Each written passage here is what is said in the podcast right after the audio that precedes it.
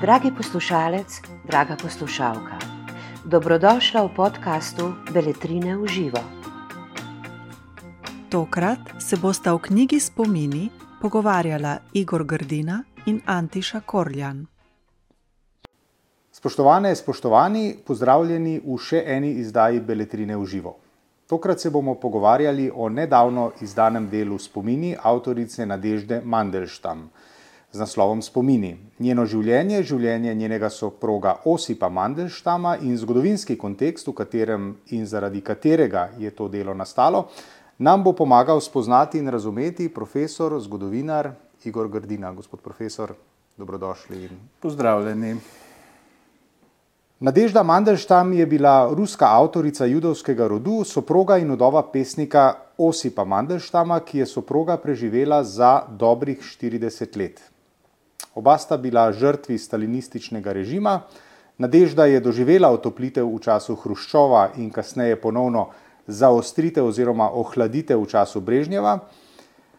Njuna kalvarija pa se je začela konec 30-ih let, ko je potekala ena od znamenitih velikih čistk, ki sta jih z roko v roki izvajala Josip Visarjonovič Džugašvili Stalin in šef NKVD-ja Henrik Jagoda. Gospod profesor, spomini Nadežde Mandelštam so pretresljiv dokument časa, v katerem so nastajale osnove za to besedilo. Ta čas se je v rusko in tudi svetovno zgodovino upisal kot čas velikih čistk. Se pravi, govorimo o 30 letih 20. stoletja. Pa me za začetek morda zanima ta čas velikega terorja, kot se temu tudi reče, kakšen je bil to čas v Sovjetski zvezi, oziroma tudi morda v svetovnem kontekstu.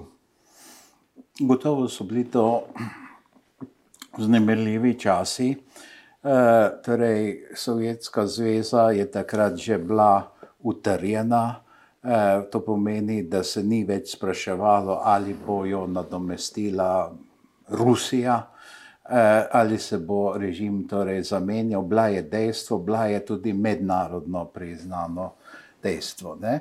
In zdaj Sovjetska zveza je v 20 letih po državljanski vojni in po tisti umetno izvani lakoti in po torej, državljanske vojne se nekako v Rusiji od leta 1916 do 1926, to so različni spopadi, to so rdeči proti belim so samo ena izmed teh vojn, ne? potem je bila zadnji hip pravzaprav na začetkih preprečena še mnogo hujša vojna rdeči proti zelenim, torej proti kmetom. Ne? Ampak nekje so je pa vendarle ostajal spomin na to, da so morali bolševiki iti korak nazaj, da so morali uvesti novo ekonomsko politiko ali po domače nekaj kapitalizma uh, v gospodarstvu. Ne? In to se je zdelo pač. Potem, ko se Sovjetska zveza utrdi, nekaj nemogočega, ne? in konec 20 let se sproži ta veliki proces eh, petletk, in industrializacije, takrat se seveda tudi konsolidira uh, novo sovjetsko vodstvo. Ne? Stalin kot generalni sekretar je pravzaprav uspel vse potencijalne tekmece uh, spraviti. Ali zdaj začasno ali trajno na svojo stran, prej ali slej je pa imel namen z njimi obračunati in ustvariti na neki način novo generacijo. Ne. Te, nekateri menijo, ne, da je Stalin nekaj čisto drugega kot Lenin. Eh, medtem ko drugi menijo, da je tukaj pravzaprav edina razlika med njima, da je Stalin pač tako ostro obračunaval kot je Lenin, samo z nebolševiki, je on tudi z bolševiki. No? Ampak Lenin je svaril, kot rečemo, na smrtni postelji pred Stalinom. Uh, ja, ampak na kakšen način? Uh, svaril je pač, da je pregrob. Vsem drugim potencijalnim voditeljem pa je očital, da so ideološko šipki. Ideološko šipki.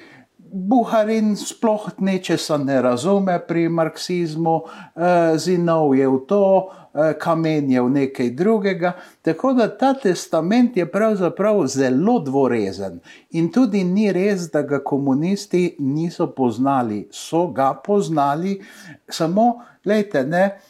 Stalin je lahko rekel, jaz sem ideološko popolnoma na pravi liniji, samo neko preveliko vnemo mi učitajo. Ne? In zdi se, da je ravno to njemu bolj pomagalo kot komorkoli drugemu. Uh, torej, to uh, Leninova oporoka, ker nihče pa ni bil brez napak. Ne? Trotski uh, Eh, pač da se obnaša kot neka zvezda. Torej, Trotski je imel seveda tudi velike zasluge ne, za zmago eh, v državljanski vojni, in seveda Trotski je imel pa eno črno piko. Da je bil novinec med bolševiki, ker je bil prej pri menševikih. Ne? Skratka, uh, vsi so imeli nekaj nad seboj v tem, oprostite, precej nergaškem testamentu. Vse povsod so neke napake, ampak Stalin je edini, ki ni ideološko nekje kdajkoli skrenil. In to je njemu pomagalo, ne? in eh, on je bil pač kot generalni sekretar imel. Aparat pod seboj, to drugo linijo. Ne? In Stalin je veliko krat dvignil kozarec na zdravje srednjih kadrov. Ne? Kaj ti so tisti, ki v resnici izvajajo oblast, višji kadri, vedno dajo samo generalno linijo. Ne? In tukaj je bil on močnejši od vseh, bil je seveda tudi zelo premeten, eh, velik poznavalec človeške duše in njenih slabosti. Ne? In tako je pač Sovjetsko zvezo. Eh, Obvladal od zgoraj in zdaj je sprožil neke vrste drugo revolucijo. Stalin ugotovi, ne, da pač zdaj, ko je to edina socialistična država na svetu, poleg Mongolije, ne, ki pač ni neka velika sila, v tistem momentu Stalin ugotovi, da čez deset let, če ne bo Sovjetska zveza industrijska, je več ne bo. Torej, tukaj je imel Stalin gotovo prav, ne, e, da je moral neko kmetijsko uh, deželo ob vzponu fašizma, ki je bil dejstvo, eh, napraviti moderno. Ne? In seveda on se tega lotil zdaj na pač svoj način. Ne? Torej, eh, tista nova ekonomska politika se je potem zdela kot nekakšna. Prevara, ne kmete smo dali, pač, da se obogatijo, kot je Buharin rekel. Ne? In zdaj eh, smo pa prišli nazaj po tisto. Ne? In vemo, ta tragedija kolektivizacije, ki je grozljiva, ne? E, ni bila uperjena samo proti Ukrajincem, ampak seveda tudi tam v Južni Rusiji, po vseh predeljih e, e, Sovjetske zveze, ki so bili izrazito kmetijski. Ne? Govorite o tako imenovanem golodomoru, oziroma holodomoru. Tako, ja, ja, ja. Umrlo gladomor, je bilo to po naše. Ja. Nekaj e, milijonov ljudi. Ne? Ja, torej tisto, kar je Robert Conquest imenoval čemirna žetev. E, ampak seveda kmetijstvo je bilo zdaj urejeno. E, kdo zna traktor voziti? Zna tudi voziti tank. Ne? To je v drugi svetovni vojni vendarle imelo nek, nek recimo, rezultat. Ne? E, in seveda potem se je pa Stalin lotil uh, izgradnje pač partije novega tipa. Njegov znani izrek je, ne, da so bolševiki ljudje posebnega kova. Ne. Zdaj, seveda, tisti stari bolševiki so bili pač nekaj drugega. Ne. Zdaj, Kar pa zadeva pesnike, sploh umetnike, so imeli pa v Stalinovi dobi pač smolo. Smolo v tem smislu, da je Stalin bil zares zainteresiran za literaturo. Njega je to zanimalo. Lenina je literatura bolj zanimala ali pa recimo umetnosti kot propagandna. Eh, zadeva. Ne. Je imel seveda tudi eh, zanimanje, jasno, ne, ampak predvsem kot tak, ne, zavedal se velike vloge filma. Ne.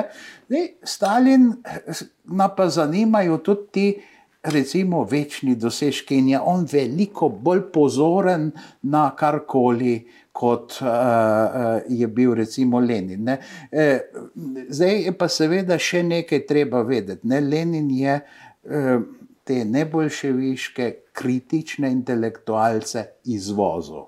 Torej, so jih naložili na parnik brez povratka. Torej, uh, zdaj, uh, ko pridejo naslednji valovi obračuna, eh, so pa enkrat ena, enkrat druga skupina, ampak vendarle, eh, ko bolševiki eh, to afero Tagancova inscenirajo, pravzaprav, da lahko izvedejo na čistko, ko je režim v krizi, ob kronštatskem uporu, takrat se marsikdo, tudi Maksim Gorki, preko Lunačarskega, ki je prosvetni minister, zauzame, da bi pesnika Gomiljova rešili. Sredi noči kličejo Lenina in on ostane pač trd kot kamen. Ne? E, in seveda ne Gomiljov je bil pa uh, vendarle nekoč mož Ane Ahmatove. Ne? Ana Ahmatova. Je v tem delu precej omenjena. Ja, Ana Ahmatova, eh, Gomiljov, pa seveda Mandelštam, so pa skupina akmeistov. Ne, eh, zdaj nadežda v svoji drugi knjigi, ne, ki se imenuje tudi druga knjiga, ki sledi tem spominom. Pravi, da nihče pravzaprav ne ve, zakaj so jih vse te navajali vedno skupaj. Ne? Da so seveda so tako različni in to so res. Ne? Samo eh, nek, eh, recimo, madež ali pa neka sumljivost je pa ostala, ne? kajti eh, tu je le bil nek mrtev veliki pesnik ne? in sorodnike je imel. E, imel je prijatelje. Ne? In zdaj, seveda, pogledajte, eh, Mandelštam je bil nekaj časa v zvezi z drugo veliko pesnico, eh, tudi v fizični, kolikor danes ugotavljajo, torej Marino Cvetajevo. Ne? In ona je bila pa emigrantka, ne? res se je pozneje vrnila v Sovjetsko zvezo, ampak eh, zelo žalosten konec. Ne? Torej, ko je nekdo enkrat prišel na seznam uh, te politične policije, vendarle ni mogel kar tak. Kaj je bil glavni greh Osipa Mandelštama? No, leta 1934. Takrat ni bilo treba veliko, da si padel v nemilost. Gotovo ne, ampak tudi ni bilo treba tako zelo veliko, da si bil v milosti. Ne? Kajti ne smemo pozabiti, ne, da to so. Uh, to je vendarle čas Harkovskega kongresa, izuma socialističnega realizma, ne, ker v stanovanju Maksima Gorkega Stalin skuje ta izraz ne, in to je zdaj uradna linija. Zdaj pa seveda oni, ki so pa drugačni, ki so že odprej velika imena, ki so tiskali na zahodu. Ne Mandelštam je vendarle v Berlinu eh, eh tiskal svoje eh, stvari, eh, tudi recimo, gledajte, tovariš Graf eh, Aleksej Tolstoj je bil tudi tiskal v Berlinu ne, in je tisto trnovo pot prvi zvezek, ki je pravzaprav pisal kot emigrant, pa ko se je pa vrnil, je pa zgodbo zasukal uh, v prosovjetsko uh, smer. Skratka, uh, to, ta velika imena so v tej stalinski imaginaciji. In v imaginaciji, seveda, teh srednjih kadrov, ki so vsem eh, vožda Eh, posnemali, ne, torej, eh, je bilo jasno, da eh, so v nevarnosti. Ne. Zdaj, seveda, kolektivizacije prej nisem omenjal slučajno, namreč Ozep Emiljevič Mandelštam je napisal neko pesem o kremeljskem gorjancu, ki je kmetoborec ne, in se torej bojuje Eh, eh, torej s kmeti, ne, njegove besede so kot krogle. In tako dalje. Ne, se, mesnate prste, pesna, čokate, vse te postave. Ne? Tako, tako. Ne. In seveda, uh, to je bil pač en izziv. In zanimivo je pravzaprav potem, kako Stalin na to reagira. Ne. Na vse zadnje si celo da dopovedati, da pač pesniki pišejo marsikaj in da je pač Osim Emiljevič Mandelštam velik pesnik. In takrat prvič na neki način kar dobro zvozi, ne? glede na druge. Seveda pa to še ni obdobje velikega terorja. Ne? To je tista običajna vsakdanja doza terorja, terorja. v Sovjetski zvezi 34. Ne? Potem, ko se 36-37 začenjajo velike čistke, potem je pa položaj precej drugačen. Ne? In seveda, zdaj eh, Mandelštam, ki je bil že kaznovan in je bil najprej pač eh, tako kot v carski Rusiji, so takrat delali. Ne? Torej, eh, je bil v nekem kraju, potem je čez nekaj časa lahko prišel eh, v Voronjež.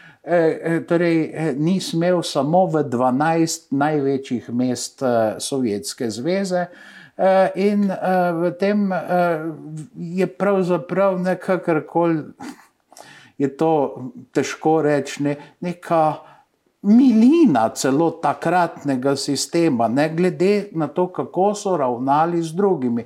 Gumiljev je bil torej takoj likvidiran. E, potem so za Ano Ahmatovo rekli, ne, da je na pol nuna, na pol kurba.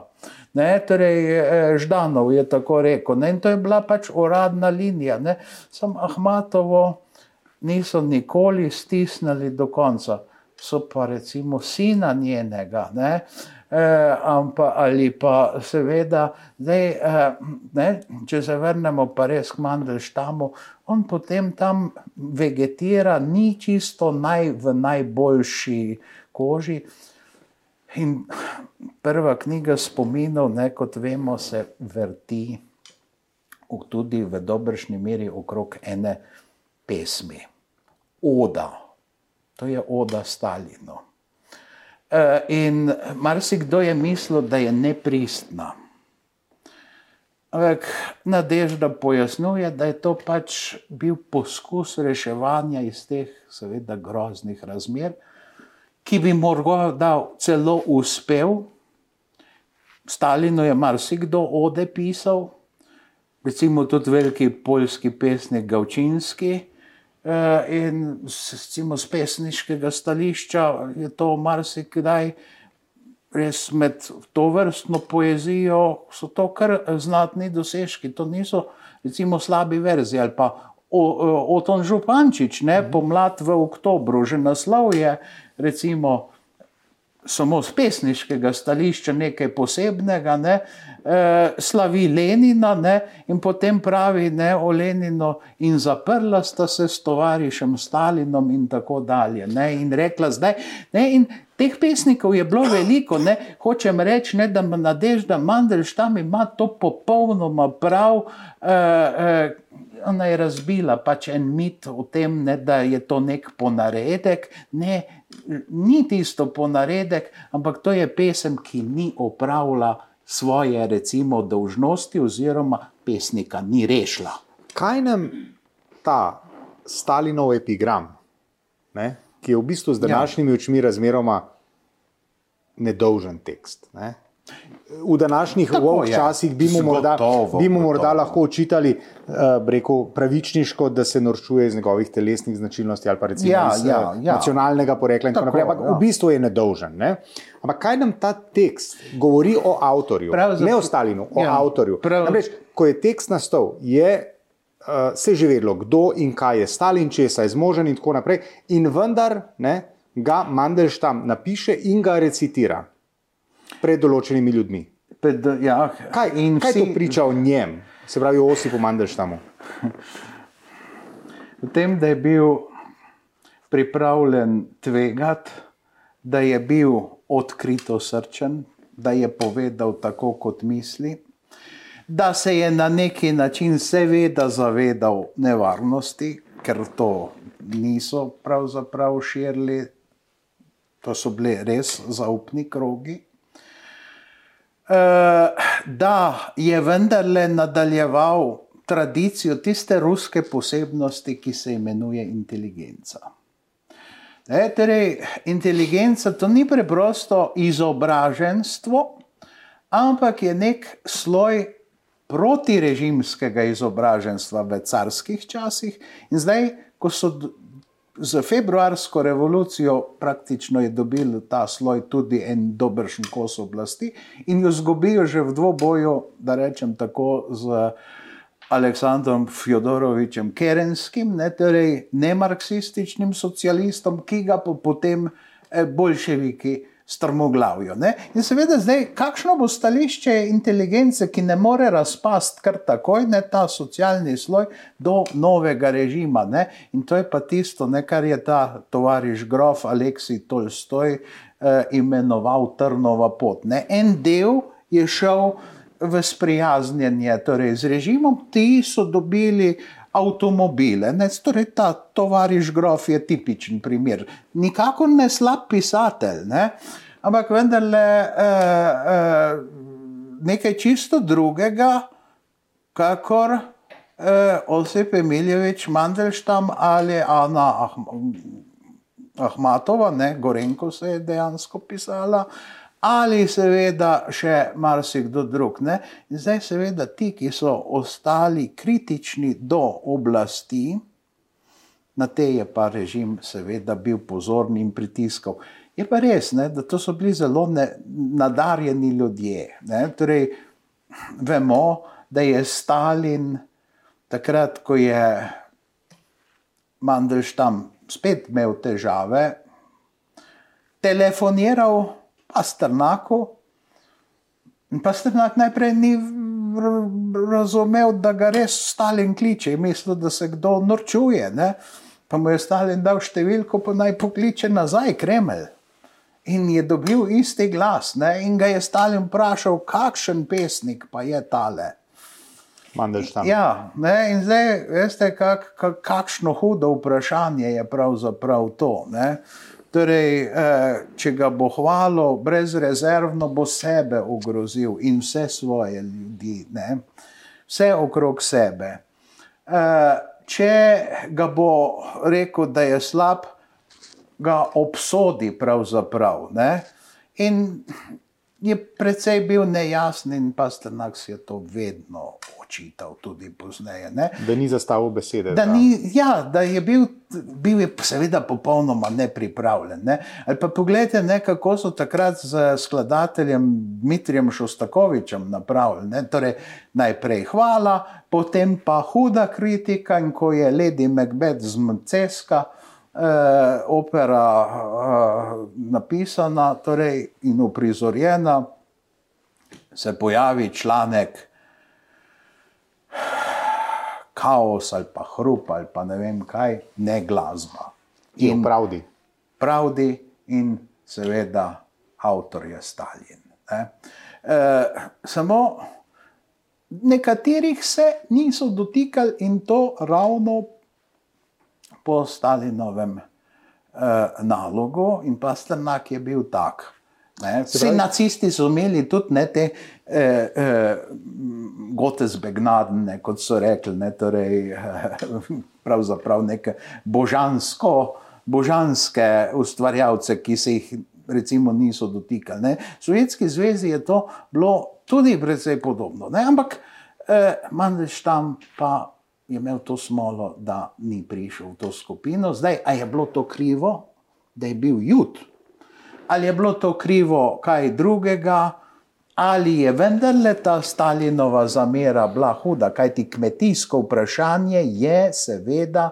V vsaki pretežno agrarni deželi, kar je Sovjetska zveza okrog 30, leta 1930 še bila, uh, bilo izjemno pomembno. Ne? In zdaj uh,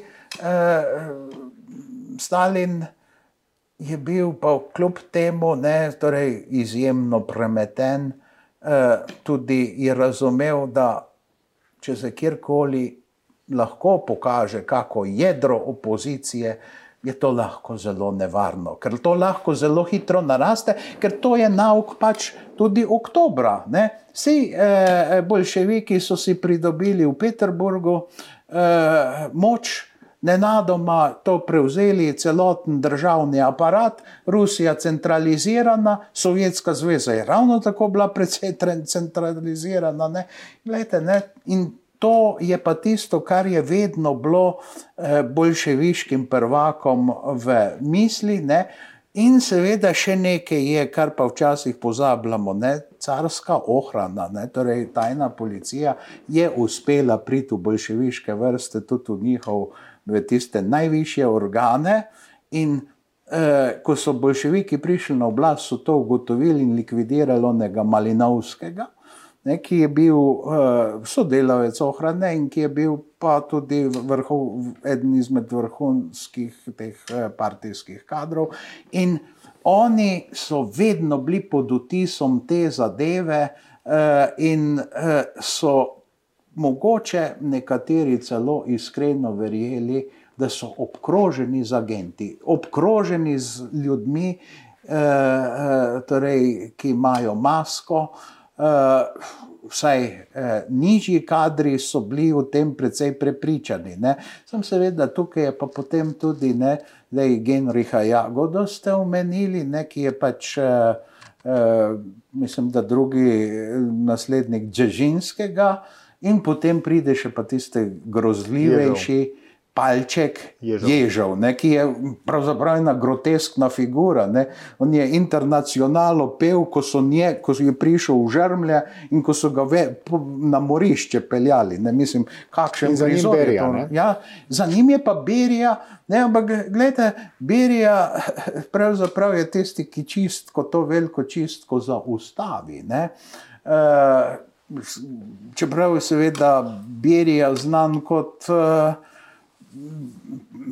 Stalinov, seveda, kaj vse je bil. Ne? Se na koncu koncev je bil on tudi Stalinov general Gross, ki je on delal atomsko bombo. Mm -hmm. e, e, zavedal se je, da hitro tega ne more, vohuni sem tja, levo, desno.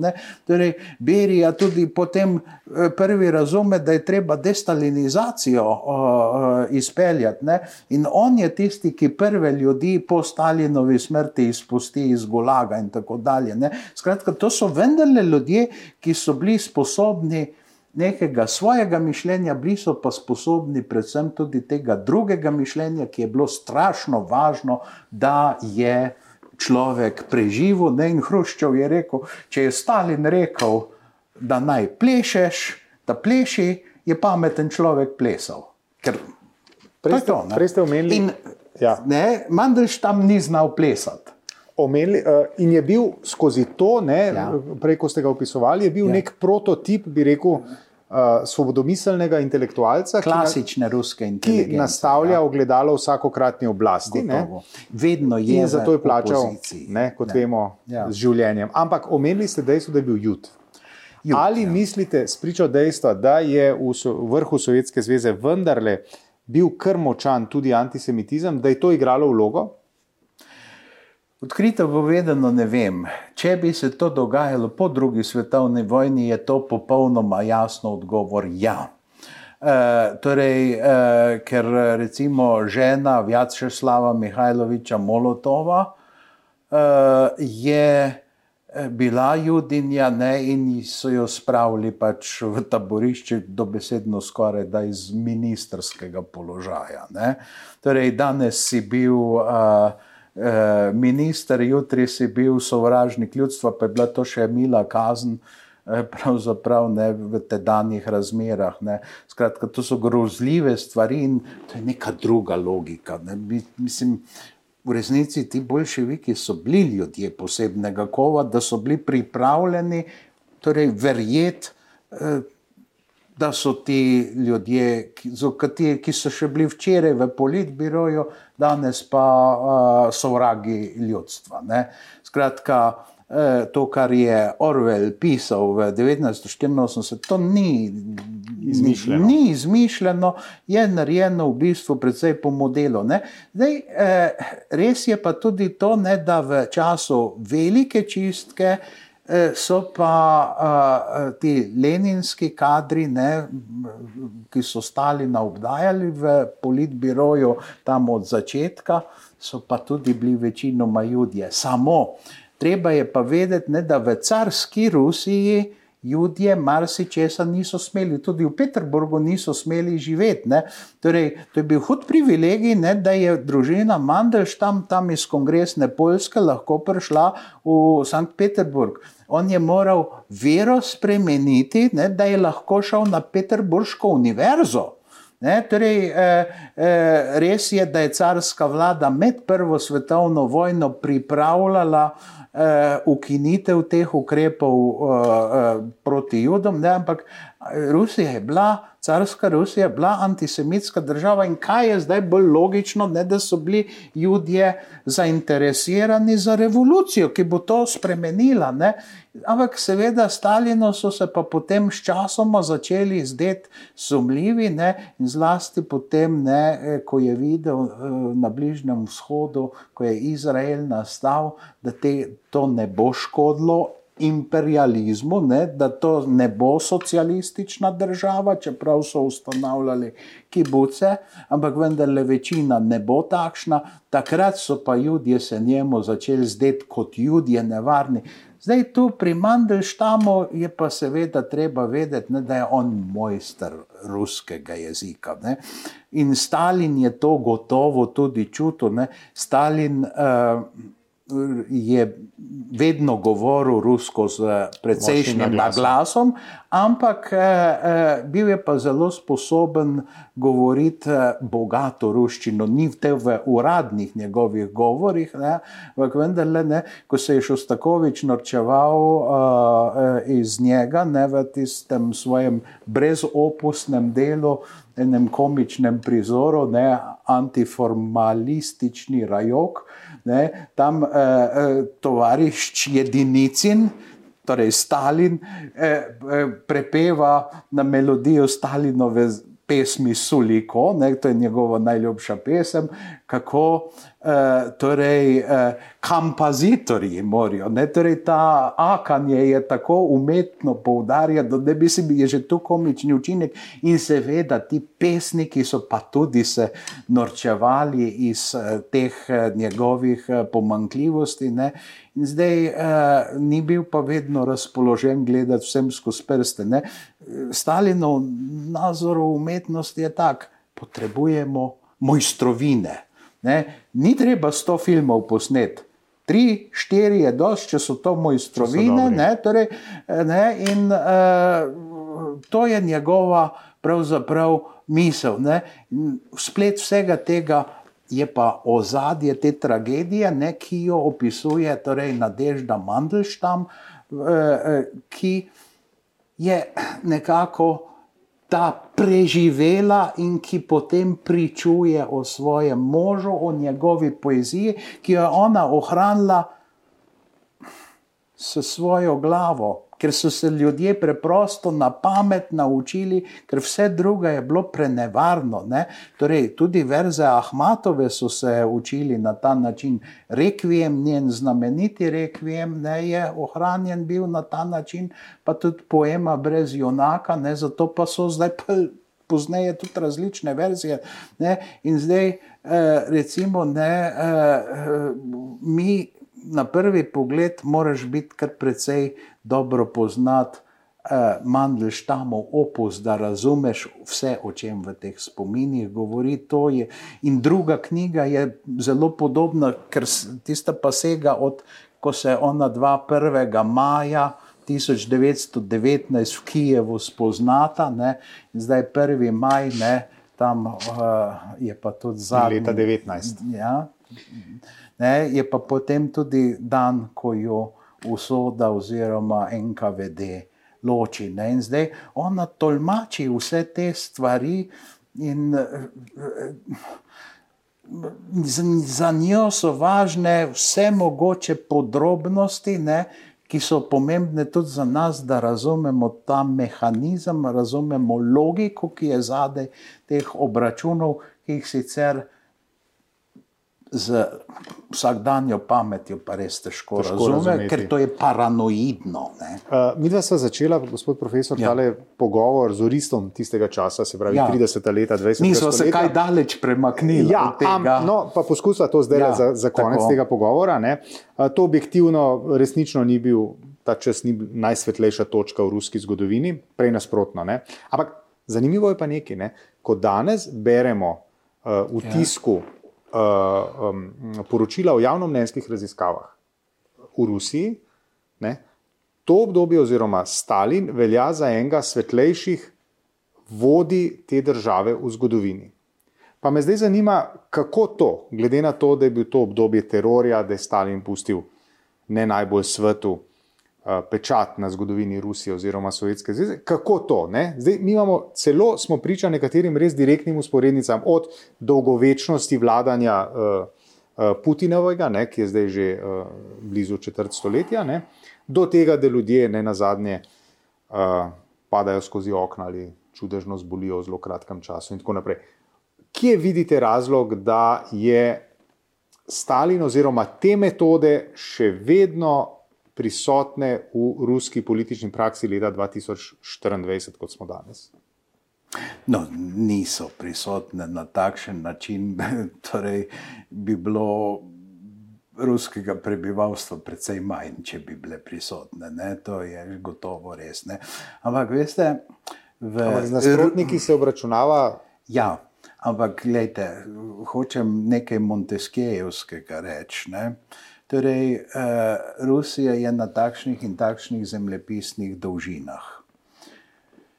V takšni in takšni deželi, ki je tako zelo na severu, je treba več kot nekaj mesecev vse pravzaprav pripeljati. Kaj to pomeni? Da je največja nesreča za Rusijo nered, eh, ker ne, brez reda ne moreš preživeti tam. Eh, zdaj, svoboda, je, ki je tako zelo pomembna na Zahodu, je pa tam dojemana nekoliko uh, drugače. Ne?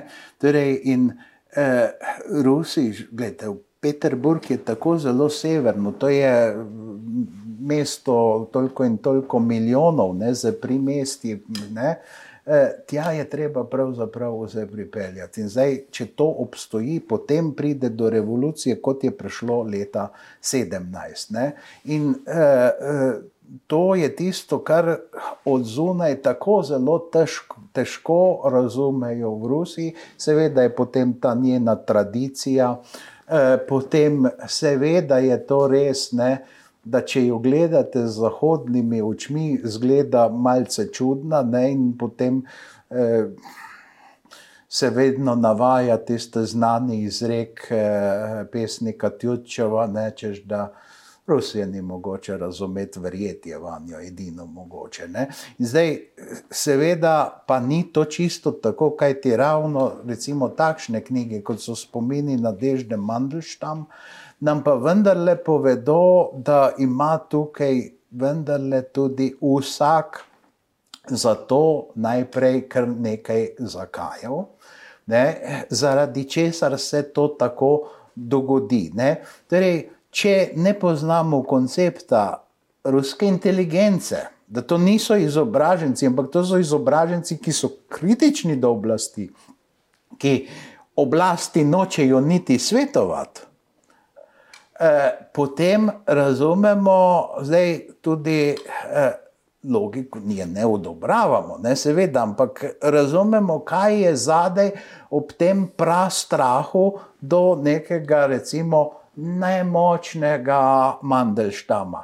Lejte, ne bo držalo tisto, ko pravijo, samo komunisti so re, re, tako za res jemali literaturo, da so streljali eh, ljudi zaradi tega, te, torej pesnike. Ne, to ne drži, ampak eh, ker je tudi eh, eh, carska ruska oblast bila zelo pozorna na te stvari, če se spomnimo samo razmerja Dostojevski pa Bjedonoscev. Sej Dostojevski ni bil priljubljen pri ruski inteligenci, ne, pa Bjedonoscev je bil silno izobražen, ne, torej, eh, ideološki vodja pravzaprav režima, po drugi strani pa seveda uh, uh, nihče bolj sovražen v vrstah inteligence. Ne?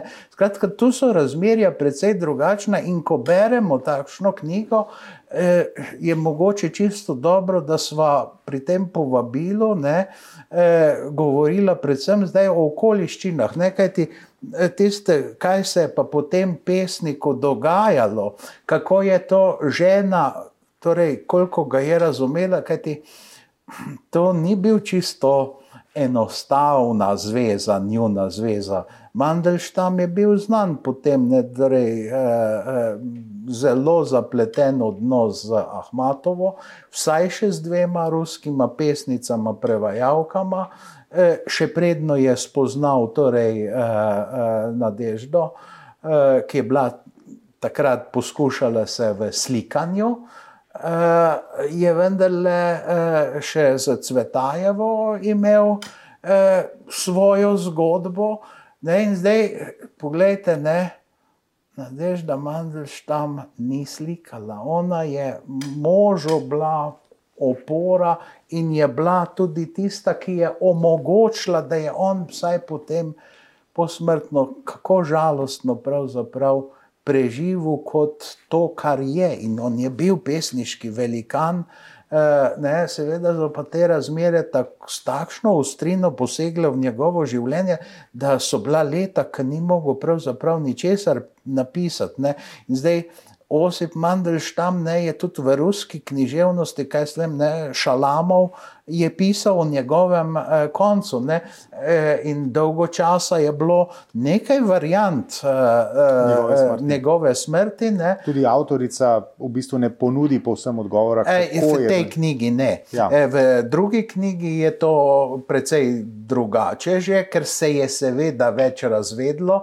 Torej, eh, bila je ta recimo, tiha alternativa potem v Brežnjevski epohi, ker res je, ne, da je glede na tisti hruščovov voluntarizem, Brežnjevska epoha je veliko bolj umirjena, ampak vendarle ljudje so pa tudi pod Brežnjevom veliko bolje živeli.